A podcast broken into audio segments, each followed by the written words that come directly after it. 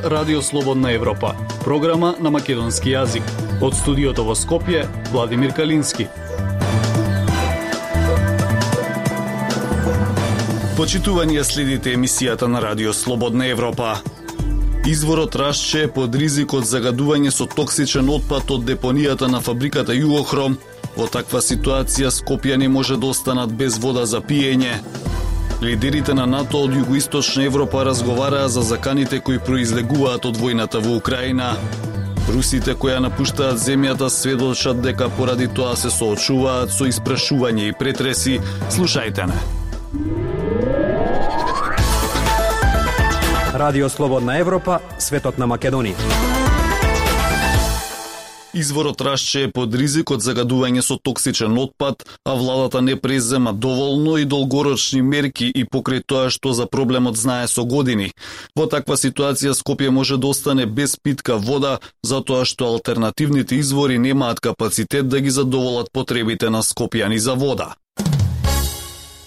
Над 90% од водата во Скопје доаѓа од изворот Рашче за потребите на над 700.000 жители. Но во близина на изворот има околу 2 милиони тони индустријски отпад кој е во допир со подземните води во околината на изворот, со што постои ризик тој да биде загаден. Станува збор за отпадот кој содржи 6 валентен хром од историската депонија на фабриката Југохром.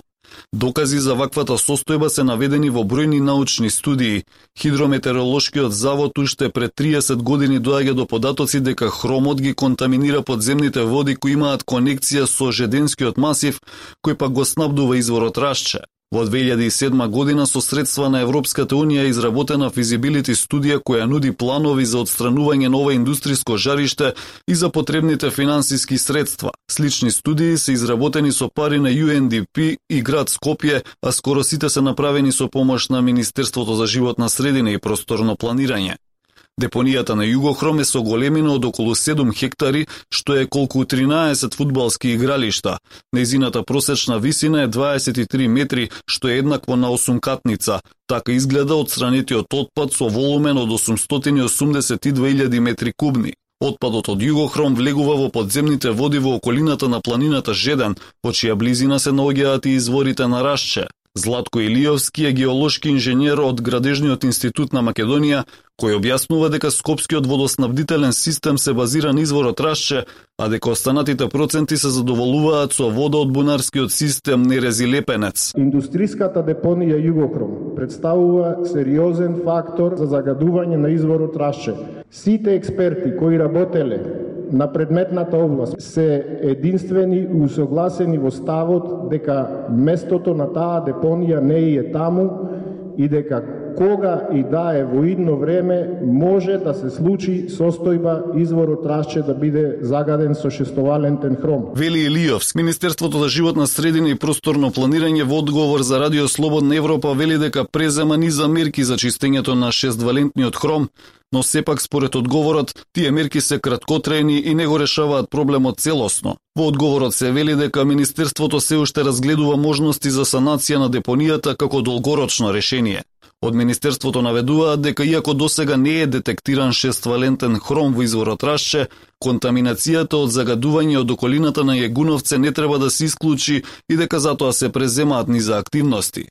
Професор Трајче Стафилов од Природно-математичкиот факултет во Скопје вели дека оваа состојба било утврдена уште во 90-тите години, кога било утврдено дека се присутни многу високи концентрации на шествалентен хром, кој растворен во вода е канцероген за луѓето поради неговата висока токсичност. Слободна Европа. Следете на на Facebook, Twitter и YouTube. Лидерите на земјите членки на НАТО од Југоисточна Европа имаа средба во Софија. Тие меѓу другото разговараа за енергетската криза и за проблемите во снабдувањето со храна како последица на војната во Украина. Фокусот беше ставен на тоа како да се действува во иднина. Известува Марија Митевска. Здружено и координирано, со подобрување на соработката ке действуваат земјите од регионот со цел да одговорат на сите предизвици и закани кои произлегуваат од војната во Украина, е пораката од средбата на лидерите на земјите членки на НАТО од Југоисточна Европа во Софија. Тие на средбата, како што соопштија на заедничката пресконференција, пред се се согласиле да се намали зависноста од рускиот газ, да се подобри инфраструктурата, како и да се осигура безбедноста на храната во регионот. Бугарскиот премиер Кирил Петков, кој беше домајки на премиерите на Северна Македонија, Романија и Црнагора, рече дека разговарале за важни теми кои војната ги направила поитни. Регионот, како што рече, зависи од руската енергија и дискутирале како може некои од гасоводите да добиваат газ од Грција и Турција и да го носат до Балканот, како и за поврзаност и за коридорот 8, кој мора да биде веќе ставен на мапата. Но според него не само овој коридор, туку целокупната инфраструктурна поврзаност на регионот е важна Тој посочи дека министрите за земјоделство треба да се координираат за недостатокот на пченица и масло за јадење. Важно е во овој момент на криза во нашиот регион каде што војната во Украина зазема толку многу од вниманието на сите и безбедноста на регионот е подсакана да се здружиме и да се координираме покрај на ниво на НАТО и на ЕУ и идните земји членки да се координираме и на ниво на Балкан. Мојот сон е да имаме координиран Балкан на сите теми. Петков посочи дека на средбата се разговарало и за војните системи на земјите, како и за бегалците од Украина и повторната изградба на земјата. Премиерот Димитар Ковачевски порача дека војната во Украина ги создала најголемите проблеми по Втората светска војна, како дефицитот на газ кој е на историско најниско ниво на резерви во Европа, што се одразува и врз производството на амонијакот, кој е клучен за производство на ѓубриво. И сега имаме недостиг и од ѓубриво на светскиот пазар и сега може да се купи за 300 или 400 пати повисока цена. Сите цени на храната порасна со највисок процент по Втората светска војна и сето тоа се случува затоа што двата најголеми производители на пченица, Украина, пред се и Русија, сега се практично во војна. Нивниот колега од Романија Николаја Чука истакна дека нема проблеми во снабдувањето со храна, но има проблеми со синџирите за снабдување со храна поради руската инвазија во Украина и санкциите против земјата. Црногорскиот премиер Здравко Кривокапич порача дека секоја зависност е лоша и затоа мора да имаат повеќе добавувачи, особено кога станува збор за безбедноста на храната. Актуелности свет на Радио Слободна Европа. Десетици илјади Русија напуштија земјата откако Москва ја нападна Украина пред повеќе од еден месец. Многумина од оние што го направија тоа пријавиле непријатни и незаконски испрашувања додека минувале низ руската пасошка контрола. Гоце Атанасов. Кога ја напуштив Русија не бев сигурен дека ја правам вистинската работа, вели 28 годишниот Артјом Саприкин – ИТ специјалист од Туфа, главниот град на руската област Башкортостан. Тој ја напушти Русија на председателот Владимир Путин и еден од десетиците илјади руси кои ја напуштија својата татковина по инвазијата на Москва на Украина на 24 февруари. Владата на Грузија соопшти дека повеќе од 30.000 руси пристигнале во таа земја од почетокот на војната. Турција објави дека повеќе од 14.000 руси се преселиле во таа земја во првите три недели по почетокот на борбите. Главната причина, изјави тој и за Радио Слободна Европа, беше сознанието дека Русија нема иднина. Го сватив ова одамна, но сепак продолжив да одложувам одлуката. Но со почетокот на војната разбрав дека ситуацијата во земјата е многу полоша од колку што мислев. Од руската инвазија, многу руси кои емигрирале пријавиле непријатни искуства со преминувањето преку пасошка контрола за да напушта земјата. На посебен телеграм канал, десетици патници известуваа дека биле подложени на долги спрашувања. Многумина мораа да ги отклучат своите телефони и компјутери и да гледаат како оперативците на Федералната служба за безбедност ги читаат нивните лични пораки. Знаев од пријателите што ме чека кога заминав тие веќе доживеа целосно претресување, вели Саприкин, додавајќи дека се подготвил однапред, купил повратен билет, шифрирал некои податоци и избришал што е можно повеќе. Накратко се погрижив да не можат ништо да се посомневаат. Штом граничарите дознале дека Саприкин е специјалист по информатика, тој бил издачен од редот. Откако му бил претресен телефонот, како што рече, агентот го прашал за неговото мислење за војната во Украина. Последното прашање на агентот сепак го изненадил Саприкин.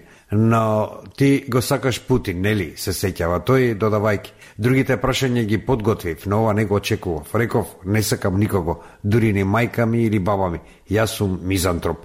Тоа е начинот на кој сум роден и не можам ништо да направам со тоа. И веќе немаше повеќе прашања. На крајот го пуштиле да помине. Ваквите испрашувања и претреси се незаконски според рускиот закон, велија да од за човекови права Алјона Савелјова од невладината организација Русија за трешетки. Тие немаат никакви овластувања да испрашуваат луѓе или да вршат лични претреси, вклучително и на телефони, па агентите ги нарекуваат разговори. Тие не пишуваат никаков извештај, како да немало распит, само те прашуваат за политика, што мислиш за конфликтот. Се разбира, се тоа е незаконско, објаснува Савелјова. Адвокатот Иван Павлов додава дека граничните агенти исто така вршат притисок врз патниците со неформални средства за уцена. Култура и уметност на Радио Слободна Европа со гала концерт на солистите, хорот и оркестарот на Националната опера и балет на 1 април ќе започне 45-тото издание на манифестацијата Денови на македонска музика. Планирани се 16 концерти и 5 музички средби и трибини. Љупчо Јолевски разговара за настанот со композиторката и председателка на СОКОМ Валентина Велковска-Трајановска. Велковска, како председател на СОКОМ и еден од творците на програмата за 45-тото издание на Денови на македонска музика, што ви беше целта таа да понуди овој пат? Нашата желба како уметнички совет беше да се изведа дело од што повеќе композитори, како своевиден преглед на дела што на некој начин го одбележуваат нивното творештво, особено на починатите композитори. Во тој контекст може, на пример, да ги споменам концертот за пијано и оркестар на академик Властимир Николовски, мадригалите на Стојче Тушевски, Балтепе на академик Тодор Скаловски и многу други. Што како посебност, концерти, трибини, изданија би издвоиле од вкупната целина на двете сезони, априлската и онаа планирана за наесен? Имаме многу концерти што ќе прикажат различни аспекти на македонската уметничка музика. На трибините и средбите со композиторите сакаме да ги продискутираме секогаш отворените прашања за состојбите со македонското современо музичко творештво и композиторите. Акцент ставивме и на сите големи музички институции, Национална опера и балет, филхармонија, танец, камер камерниот оркестар на филхармонија, но и на младите македонска музичка младина, како и повеќе млади камерни состави, како гости од странство во првата сезона ќе настапат извонредните милитар од Израел. Колку реално денови на македонска музика и во едно време на скудност успева да оствари својата иницијална мисија, идејата водилка промовирана пред 4,5 децении. Каква е визијата на современите творци за растот на манифестацијата, која има убава традиција на афирмација на домашното творештво? Денови на македонска музика е единствениот фестивал што успева интегрално да представи дел од домашното творештво, долг период во минатото представувал и најголем стимул за создавање на нови дела. Вклучувањето и на странски ансамбли и солисти му носи нова димензија на компаративност со светските текови, но и присутност понатаму на светските сцени. Преку дискусии на трибините очекуваме да ги поставиме насоките по кои би се движел овој фестивал во следните изданија. И конечно, како манифестацијата да и се приближи на младата публика, да ја натера да им се сврти на вистинските вредности и на домашното музичко творештво. Може ли концептот на денови на македонска музика да се ревидира и прилагоди на времето во кое твори вашата генерација на композитори и музички уметници? Секогаш стои отворено прашањето за младата публика. Секако треба да ги запознае и препознае вредностите на домашното современо музичко творештво. За таа цел оваа година исклучителни дела од опусот на починатите композитори им го доверивме на млади изведувачи, како на пример композиции од Михајло Николовски, Драгослав Ортаков, Благоја Ивановски, Благој Цанев, Студен Новачевски и многу други. Што по објавувањето на Чекор пред темнината? Има ли Валентина Велковска Трајановска готови композиции за новиот носач на звук? Готови композиции за нов авторски компакт диск имам, но имам и дела што чекаат својата изведба. Напишав голем мораториум во трајање од еден час за рецитатор, солист, мешан хор и голем симфониски оркестар. Создадов неколку камерни композиции што се изведува во Македонија и во Белгија. Како дел од проектот патување на композиторки жени во Виена ми побараа да напишам нова композиција. Со во моментот ја снимаат и ќе биде издадено од издавачката куќа Нахос. Ви благодарам на разговорот. Почитувани слушатели, тоа е се што ви подготвивме во оваа емисија. Од студиото во Скопје ве поздравуваат Владимир Калински и Дејан Балаловски.